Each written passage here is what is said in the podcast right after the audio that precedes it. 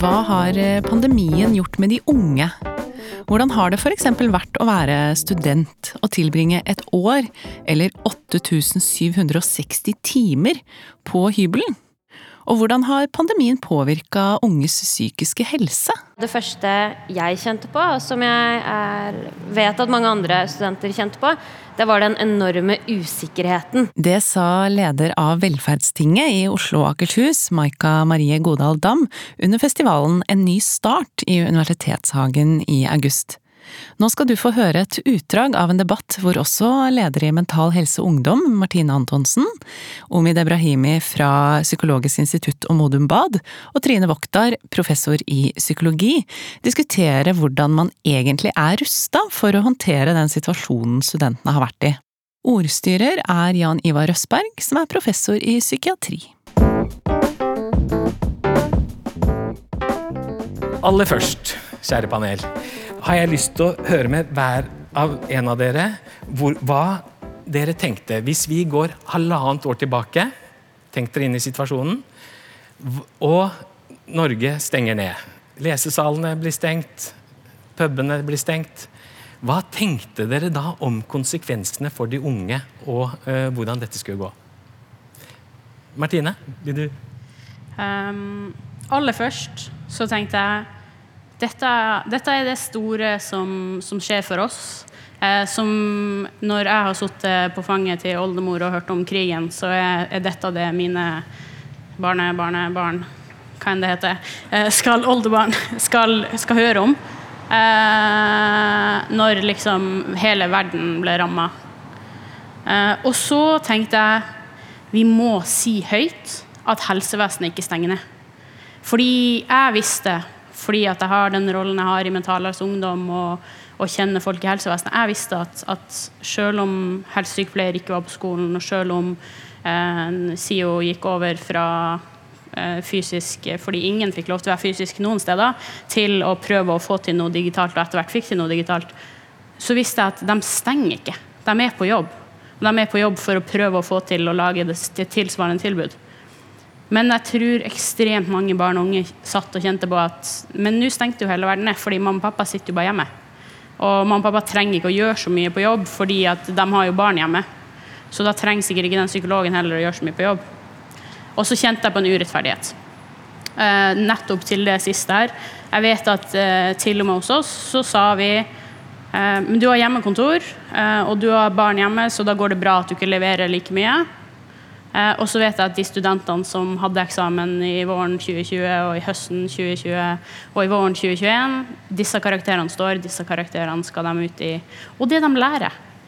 Du, ha, du hadde det samme presset på deg for å lære noe som du skal bruke videre. Mm. Mm. Takk skal du ha. Maika?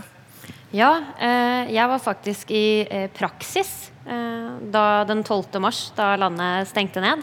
Eh, og det første jeg kjente på, og som jeg er, vet at mange andre studenter kjente på, det var den enorme usikkerheten.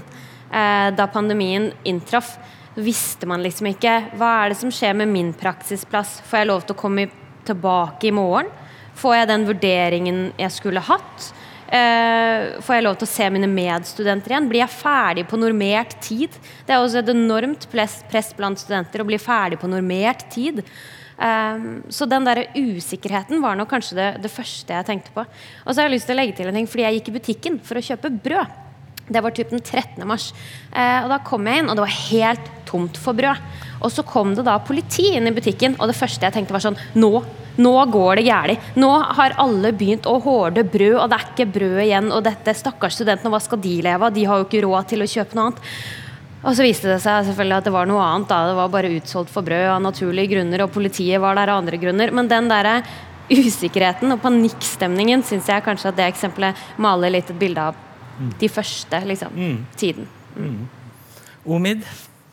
Ja, nei, hva skal jeg si? At jeg tror at i starten, helt, helt i starten, eh, så syns jeg det var til og med litt før 12. mars, så fulgte jeg med på situasjonen i andre land. og så Først så tenkte jeg det høres litt rart ut, men kanskje noen kan kjenne seg igjen i det. At det var litt spennende med pandemi. Det, det, er jo på en måte kanskje noe av det største som har skjedd mange av oss. Men som forsker så begynte jeg å se litt på litteraturen fra tidligere pandemier, som jeg hadde noe kjennskap til og gikk litt dypere inn i. Og så skjønte jeg at dette er jo egentlig ikke noe som er så spennende, egentlig, men en ganske alvorlig situasjon. Og at det var masse store forskningshull og spørsmål, særlig med tanke på hva som egentlig henger sammen med mentale plager og egentlig resiliens under pandemier, som krevde, krevde et svar. Da. Så mm, da begynte jeg å engasjere meg i det, og, ja, og her er vi i dag. da. Ja, kjempeflott. Vi kommer tilbake til en del av disse tingene her. Altså. Det skal jeg love dere. Trine, hva tenkte du? Ja, nei, altså Det første jeg tenkte var hjelp og trøst. Hvordan ligger vi an med digitaliseringsstrategien? Og så tenkte jeg at hvordan skal vi klare å levere her? Og det var torsdag kveld. Da sov jeg veldig dårlig natt til fredag. Og så var det helt, på en måte helt eh, vakuum eh, fredag. Og så begynner det å tikke inn en, så tenkte jeg Skype, hvordan skal vi ringe til alle sammen? Hvordan skal vi få tak i alle menneskene? Hvordan skal vi, hvordan skal vi få snakke sammen? Og så kommer det tikkende inn invitasjon til møte på Zoom. Tenkte Zoom, hva er det? og så kommer det altså, så er det altså mine vidunderlige kolleger på, på alle enhetene, utdanningslederne, som bare nærmest tar tak i meg og sier nå må vi snakke sammen. Nå må vi virkelig sette oss ned og, og, og få, få, dette lempa opp på digitale plattformer. I løpet av utrolig kort tid så hadde det altså folk bretta opp armene og kommet i gang. Så jeg var var, jeg var utrolig imponert og, og veldig overraska over hvordan det var mulig. Ja, men, men, jeg har lyst til å få et litt mer sånn klarere bilde om hvordan det var å være ung. Altså. Hvis, hvis, vi tenker på ung først, uh, Maika. Du er jo leder, leder for Velferdstinget i Oslo og Akershus. Uh, kan du prøve å beskrive hva slags henvendelser fikk dere? Hvordan var det å være student når man da, som tittelen her, satt 8760 timer på hybelen? Kanskje kommer som ny, stud eller, eh, var ny student ved juletider. Ja, hvordan, hvordan, var det? Kan vi få et bilde av det? Ja, altså um, Først vil jeg jo si at uh, vi fikk nok ganske få henvendelser. Altså, det er på en måte en av de tydelige tegnene på, på en pandemi, og at folk blir isolert, det er at de ikke tar kontakt. Og de tar ikke kontakt med oss heller.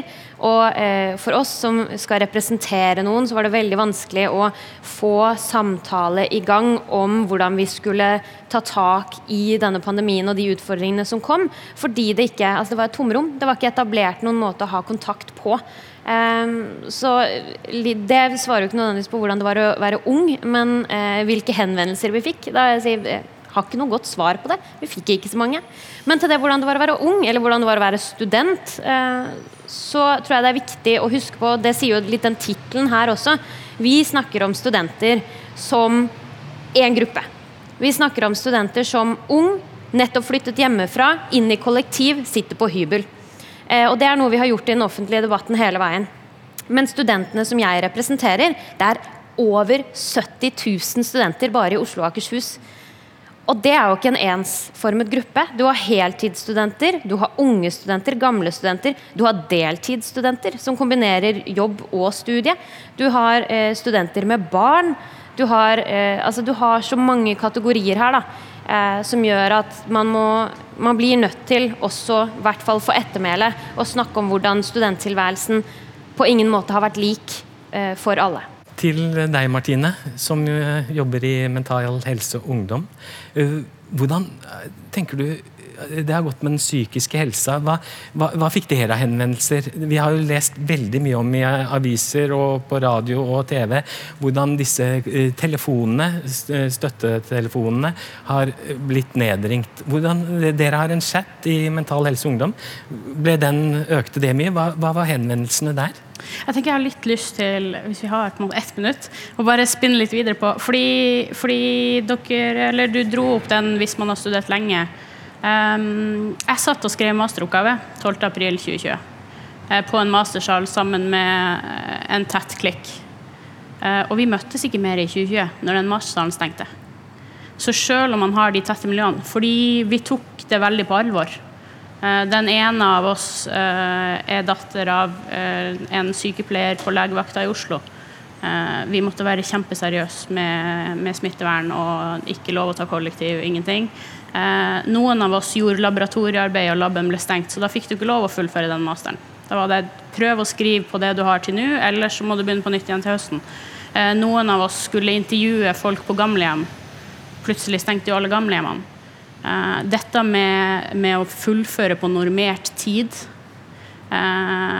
er noe som Man har liksom sett for seg et løp, og når man er, så, når man er fjerde- og femteklassing eh, og liksom snart ferdig, så har man liksom sett for seg hvor man skal begynne å jobbe, kanskje, og man har begynt å søke jobber, og, og så plutselig så Å ja, nei, jeg blir ikke ferdig jeg blir ikke ferdig før til jul. Jeg trodde jeg skulle være ferdig til sommeren. Og, eh, så den har òg liksom gjort en sånn grunnleggende usikkerhet i livene til unge voksne i dag, da. Eh, og så fikk vi en del henvendelser fordi at vi heter Mental Helse Ungdom og folk tror de kan ta kontakt. Og vi har ikke hatt et system for å ta kontakt. Eh, men, men det vi fikk veldig mye henvendelser om, var at vi vet ikke hvor vi skal henvende oss. Spesielt fra gruppa 18 til 30. Derfor starta vi en chat. Så klarte vi å få privat finansiering til å starte en chat som vi har åpen på ettermiddagstid. Eh, og, og når vi først fikk starta den utover høsten, så fikk vi veldig mye innlegg om eh, usikkerhet, angst og uro, ensomhet, håpløshet. Og også mørke og depressive tanker og type selvmordstanker.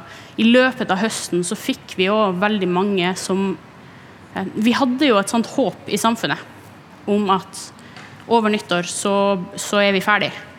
Så blir det godt. Og det var veldig mange unge voksne som tok kontakt med oss og sa at de har satt en frist til nyttårsaften. Eh, og de klarer ikke å holde ut mer hvis det blir mer. Og så kom januar, og så stengte vi ned enda mer. Eh, og det gjør at vi som på en måte har vært litt sånn i støtteapparatet rundt, har gått med en sånn grunnfølelse av bekymring. Bekymring for denne psykisk helsebølgen, som vi ikke ser igjen i, i statistikken nødvendigvis. Eh, men som jeg tror at det er en grunn til at vi går rundt og bekymrer oss. Eh, og jeg tror vi må liksom følge med. Mm. Også ikke bare på statistikken, men faktisk på de unge voksne rundt oss. Mm.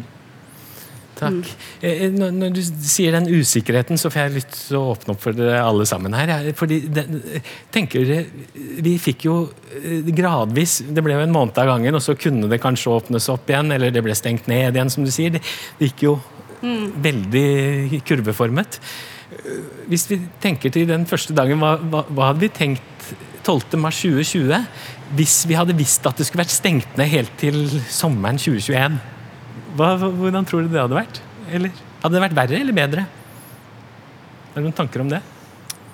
Altså, jeg tror at det har jo vært en, en bestemt strategi fra, altså, fra folkehelseperspektivet å dosere disse tiltakene. Det, det, har vært studier under pandemien som har snakket om at um, lengden man kan etterleve tiltak i, til en viss grad kan, kan, økes hvis man klarer å dosere tiltakene og da gi en jevne pause til befolkningen.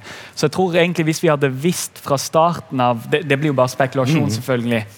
Eh, at, at, vi skulle ha forholdt oss til dette så lenge fremfor nettopp det du snakker om, Martine, om at vi på en måte har fått det litt dosevis og heller fått knuste drømmer og mm. knust håpet vårt, så, så, hadde det vært mye vanskeligere å kanskje holde pandemien eh, i, i, i, like stor grad av mm. kontroll som vi har gjort nå. Da. Mm. Men, men baksiden av, av, uh, um, av det vi nettopp snakker om, er akkurat som Martine sier, at det å ha et håp om at pandemien er, er, skal endre seg eller rett rundt hjørnet og bli ferdig, det fører også med seg den håpløsheten. For du håper på noe som kontinuerlig eh, tas vekk fra deg. og det, det, kan være med å, Vi vet jo at håpløshet kan skape nedstemthet, blant mm. annet. Så. Mm. Mm. mm. Jeg har lyst til å gå over på noe som dere har nevnt, eh, flere av dere. Ensomhet. Eh, det er jo, er jo, vært et tema før pandemien også. Det er vel, Nå kan dere som har forsket mer på det, arrestere meg, men det er vel en 20% i den norske befolkningen som rapporterer at de føler seg ensomme i løpet av den siste tiden. Når det gjelder alvorlige psykiske lidelser, så er det jo hele 80% som rapporterer at de føler seg ensomme. Eh, hva vil du si om det? Hvordan har det utviklet seg, Maika? Ja, jeg tenkte jeg skulle eh, dra opp eh, SHoT-undersøkelsen som kom i 2021, tror jeg. som var en, en tilleggsundersøkelse om hvordan studenters psykiske helse var eller har utviklet seg under pandemien. Og man ser en negativ utvikling. Eh, man ser at flere og flere rapporterer, at studenter rapporterer om eh, at de sliter psykisk, og at de sliter alvorlig. Altså det er alvorlige følger. da. Eh, og det var jo ikke som at tallene var gode før 2020. Og så ser man at de blir enda verre i 2021. Eh, og da kan ikke jeg i hvert fall gjøre noe annet enn å, enn å, dra de to sammen og si at pandemien har hatt en direkte konsekvens på hvordan eh, studenters psykiske helse har vært. Da. Jeg har litt lyst til å komme inn på hvor, hva dette har eh, Det har jeg vært også litt opptatt av. Hva har det gjort med læringen, disse digitale eh, verktøyene vi har brukt? Å sitte og følge med på Zoom, undervise på Zoom. Jeg tenkte akkurat når vi fikk, eh, ble bedt om at nå skulle vi åpne universitetet igjen Oi, skal jeg tilbake til auditoriet og undervise? Det var liksom, oi, Vi blir fort vant til dette her. Hva, men hva, hva, har det gjort med læringen? Ja, Skal jeg hive meg frempå først? Ja. Altså, for, for, vi var jo forferdelig bekymra for, eh, for dette. Og vi var redd for at studentene skulle falle fra. Det var jo noe av det første. Og så fikk vi heldigvis den sommeren som som var, hvor mange fikk lov til å vrimle litt og komme tilbake. Og så slo det til igjen. Så det, vi var jo fryktelig redd for det. Men altså heldigvis så viser jo tallene for, for semester, altså 2020 var jo veldig bra. Sånn at studentene har produsert mer, de har fått bedre karakterer. De har uh, kommet i mål, veldig mange. Sånn at vi har veldig gode tall sånn på ytre sett. Hva det har kosta, er jo selvfølgelig en annen ting. Mm. Men vi, det, vi må jo være imponert over hva studentene har, har, klart å få til. Og så vet vi at lærerne vil underviserne vil tilbake i auditoriet. Mm. De vil tilbake i seminarrommene. De savner studentene sine. Mm. Men de har klart å levere, så det er jo imponerende. Maika? Eh, ja, jeg tror du sier noe, noe, veldig viktig der. At lærerne sier de vil tilbake til auditoriet. Studentene sier at de vil tilbake. Eh, likevel så er det jo noen eh, som er, eh, uttrykker eh, eller løfter ideen om at ja, men kanskje det er lurt å satse på mye digital undervisning eh, fremover. Kanskje vi skal kutte ned i antall arealer hvor vi kan undervise. Eh, elevene våre, fordi vi trenger dem ikke. Og eh, Man skal selvfølgelig ta i bruk noen av de tingene vi har oppdaget at fungerer under pandemien. Eh, men jeg tror også at man eh, fremover, da, hvis man, hvis man, tenker fremover nå, er eh, Vi skal være litt forsiktige med å si at eh, selv om studentene har klart å prestere det året her, at vi skal ta med oss for mye av det vi har fra pandemien. Eh, da tror jeg også vi må lytte til det som du sier, både lærerne og instituttene og elevene, eller studentene, beklager, mm. eh, sier at de mm. har bruk for. Og det er å være til stede mm. eh, fysisk. Så har jeg litt lyst til å også svare på spørsmålet om hvordan har studentene opplevd dette med læring. Jeg tror det er lett å distansere seg når all undervisning foregår digitalt. Det er lett å fraskrive seg ansvar for å si noe høyt, stille spørsmål, delta i diskusjoner. Eh, så det tror jeg er noe vi absolutt må hente, hente litt tilbake nå, eh, når man kan begynne å, å, være til stede fysisk. Og rett og slett trene opp igjen den der distanseringen vi har skapt oss under pandemien. Jeg har lyst til å kommentere på det, ikke i forhold til eh, undervisning, men jeg syns det var veldig viktig og elegant sagt dette her med å at vi er aktivt nødt til å gå inn og kjempe mot den passiviseringen som, som har eh, på mange måter ufrivillig skjedd oss under pandemien. Vi, vi, snakket om ensomhet i stad. Og kanskje før jeg går inn på dette poenget, så kan det være verdt for noen studenter å eh, få med seg hvorfor det er sånn at ensomhet er så smertefullt. Og Det er fordi at vi mennesker er sosiale dyr, og hjernen vår er vant til å ha mennesker rundt oss. Det er det som er baseline og defaulten vår, for det, det er sånn vi har overlevd best tradisjonelt sett. Så ensomhetsfølelsen har blitt gitt til oss av eh, evolusjonen som en følelse som skal signalisere fare og skape en slags mimikk av smerte for å motivere oss til å gå tilbake til gruppen vår. Og Når vi har begrensede muligheter til å gjøre det, så øker selvfølgelig eh, så kjennes det selvfølgelig smertefullt ut. Så, og det mange det, det, det, jeg tror blir veldig viktig fremover, er at når vi har også blitt vant til å være passive i den rollen, vant til å ikke gjør noe eller uh, komme med en unnskyldning. Det, det, å ta aktive grep i å komme oss tilbake både i undervisningsstil og delta ved spørsmål og det, det, du nevner der, men også å komme oss tilbake til den sosiale hverdagen for de som har godt av det. For som Martine sier, det er også folk som egentlig har hatt det ganske bra under pandemien med tanke på den faktoren. Hva syns du Trine er mistet i undervisningen som student, nei, ja, undervisningsleder eller leder studiedekan? Altså det vi jeg tror det vi har vært mest bekymra for, det er jo læringsmiljøet. Mm. Altså de, nå sitter de på, alene eller på hver sine hybler, og hvordan, hvordan er limet der? Det har vi vært veldig bekymra for. for altså, vi har jo jobba med studentaktive læringsformer. Vi har prøvd, og, og, og Det ligger jo potensialer også i digitale læringsformer som gjør at vi kanskje kan eh, ja, flekse mer. Så, så, det er ikke helt umulig. Men, og, og jeg har jo vi vet jo bl.a. at forelesninga er jo ikke fryktelig studentaktiv fysisk heller. Så det, vi ha, er så litt optimistisk på det der, men jeg, det jeg har vært bekymra for hele tida, det er jo læringsmiljøet. Og det vet vi jo fortsatt egentlig ikke ordentlig hvordan, hvordan er limet nå når vi kommer tilbake igjen. Når du kommer tilbake ja, igjen, ja. ja. for det blir Ja, Maika? Ja, Du sier det om at uh, det er ikke så studentaktivt i forelesning at Det viktigste med forelesning det er det altså kvarteret hvor du går og henter kaffe og diskuterer alt det rare professoren eh, nettopp har sagt. Eller det å gå fra auditoriet og så ut og spørre hvor skal du hen, og kanskje man tar følge med noen og diskuterer alt det man, som har blitt sagt. da. Eh, og det er jo totalt ikke tilstedeværende eh, i Zoom. Eh, og det vil jeg si jeg vil legge på en nesten gode halvtime der, hvor man får diskutere med, med medstudenter. Mm. Så ikke undervurdere verdien av forelesningen selv om studentene ikke har Eller komme og spørre foreleseren om uklarheter etterpå. Det er også helt borte når mm. vi trykker på avslutt-knappen på Zoom. Så er det liksom helt borte tanker om det, Trine? Ja, nei, det, er, det, er helt, det, er, helt, sant. Ja. Og, det, og, det, strever jo vi også som kolleger, på en måte. ikke sant? Mm. At vi har mista kaffepausene, og vi har mista sommertida, mm. og vi har liksom mista alle disse her mm. og, og, egentlig også har vi mista mellomrommene hvor vi går fra sted til sted. Mm. og sånn, så Alt dette som egentlig gjør at ting blir variert, og ja, som vi trenger for å få mm. ting til å henge sammen, det er blitt borte. Så. Jeg har lyst til å gå litt over til forskningen. Ja. Altså, vi, vi, har nevnt litt om SHoT-undersøkelsen, der hvor det var økning i psykiske plager, det var økning i ensomhet blant studentene. Omid, du var aktiv ganske tidlig med ulike forskningsstudier. Du var aktiv og formidlet det på en glimrende måte i media, husker jeg.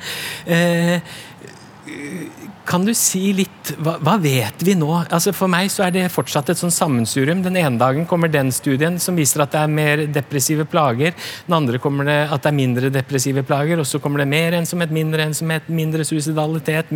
Det, det er veldig sånn litt rotete, rett og slett. Det er litt rotete. Studiene mm. sier forskjellig hele tiden. Og så kommer disse, som du sa også Det er ikke alt som går inn i statistikken, sa du, Martine. Ja. Kan, kan, du prøve å ta oss med i dette her? Gjerne. Eh, takk for det spørsmålet. Jeg, jeg syns det er et veldig viktig spørsmål. Jeg eh, som er, ser på feltet, ser ikke noe uenighet i, i, disse studiene. Så for eksempel, Hvis vi ser på eh, SHoT-undersøkelsen og vår studie, så ser du at ca. 45% av studenter i den mest strenge perioden av pandemien viste moderate til alvorlige symptom. 45? 45 Også, og Hvis du da ser på voksne, så ser du f.eks. i vår studie at ca. 30% av voksne, så et, et mindretall, viser lignende symptomer. Og denne eh, studien fra Ung Data viser 30 av ungdommer. Men så har du forskjeller i formidlingsstil, der noen sier 30% sliter med eh, moderate til alvorlige psykiske plager og der andre sier at flesteparten har klart seg under, eh, bra under pandemien. Og Det høres forskjellig ut, men begge disse tingene stemmer. For hvis du ser matematisk på det, så har de fleste klart seg noenlunde greit slash bra under pandemien. For hvis 30% av voksne har det dårlig, så har jo 70 flesteparten det, det er noenlunde bra.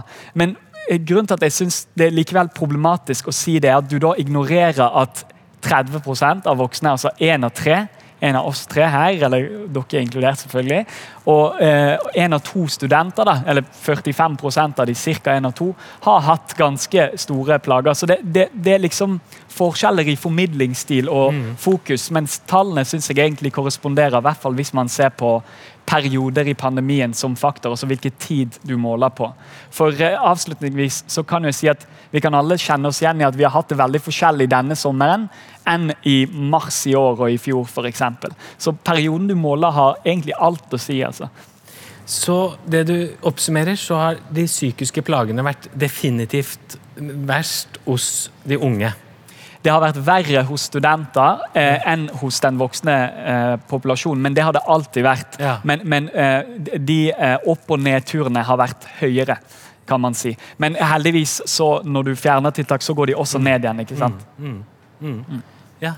Ja, jeg synes jo, Dette synes jeg er et kjempeinteressant poeng. Og så synes jeg faktisk også det reflekterer den som vi startet med. Den usikkerheten. Ikke sant? Som du sier, toppene og bunnene på de, disse kurvene eh, har vært høyere for studenter. Eh, min opplevelse er også at usikkerheten har vært høyere for studenter. Ehm, ja, så nei, jeg syns, eh, syns jo det både det opplevde og tallene samsvarer veldig godt. Da. Mm. Da blir neste spørsmål mitt For det vi også ofte blander sammen, tenker jeg, er psykiske plager, psykiske problemer og psykiske lidelser. Har vi sett en økning i psykiske lidelser? Du, dere, eller dere sier alle sammen at, at eh, når, når nedstengning Eller når, når vi åpner opp igjen, så forsvinner det. Da tenker jeg mer dette har vært plager, dette har vært ø, problemer etc. Sånn, ikke direkte psykiske lidelser, som er noe mer dyptgripende. Men samtidig så vet vi jo at ensomhet, som har vært kan være en viktig bidrag til psykiske lidelser. Har vi noe her, eller må vi vente i to-tre år før vi får noe klart du ser på svar? meg, eller? Nei, nå ser jeg på alle. Nå ser jeg, jeg, kan, vi sette noe, to streker under svaret snart? Ikke sant? Um, jeg tror jeg må putte litt kontekst. Jeg satt i, i dette utvalget som skulle utrede konsekvenser av covid på psykisk helse, rus og livsmestring. Som eh, er også populært i media kalles Kjøs-utvalget. Eh, og det var i vår. Eh, rundt i april. Da oppsummerte vi det som vi fant av forskning. Eh, men eh, Og da, derifra så vet jeg at det har vært gjort en studie i, i fjor vår, altså 2020, eh, fra HUNT, som er sånn forsker på befolkninga i Trøndelag. Så den forsker på hele befolkninga.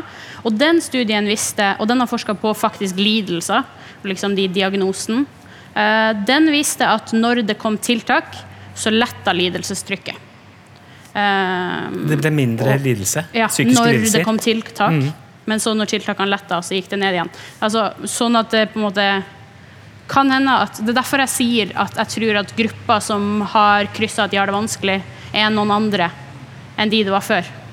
Den fikk jeg ikke helt med meg. Jo, eh, at, at hvis vi kjører en undersøkelse nå, hvem har det vanskelig, så tror jeg de som krysser nå at de har det vanskelig, er noen andre enn de som gjorde det i sommeren 2019. Fordi at nå er det litt tiltak noen steder. Ja.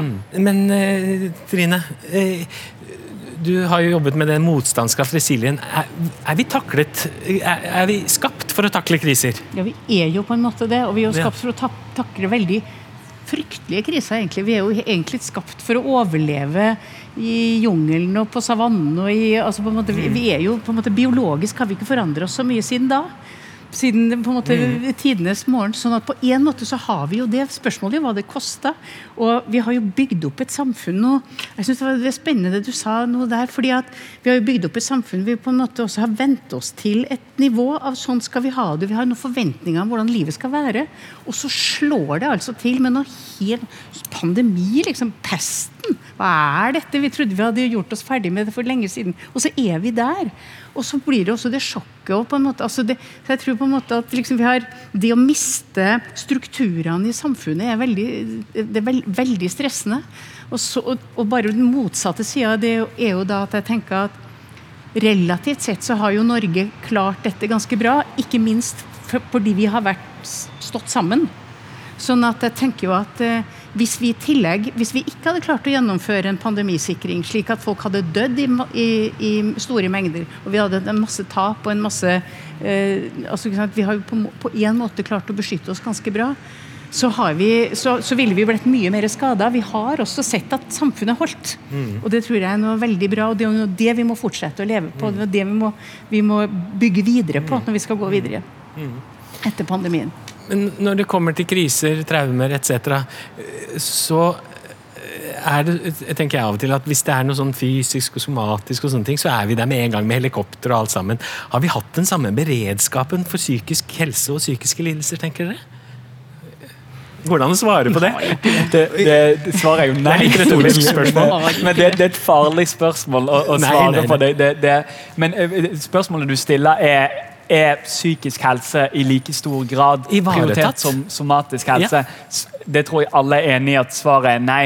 Eh, og, og så kan man gradere og argumentere for hva som er viktigst å vedlikeholde under en pandemi. Og, og selvfølgelig er jeg enig i at du, du vil jo først og fremst være i livet.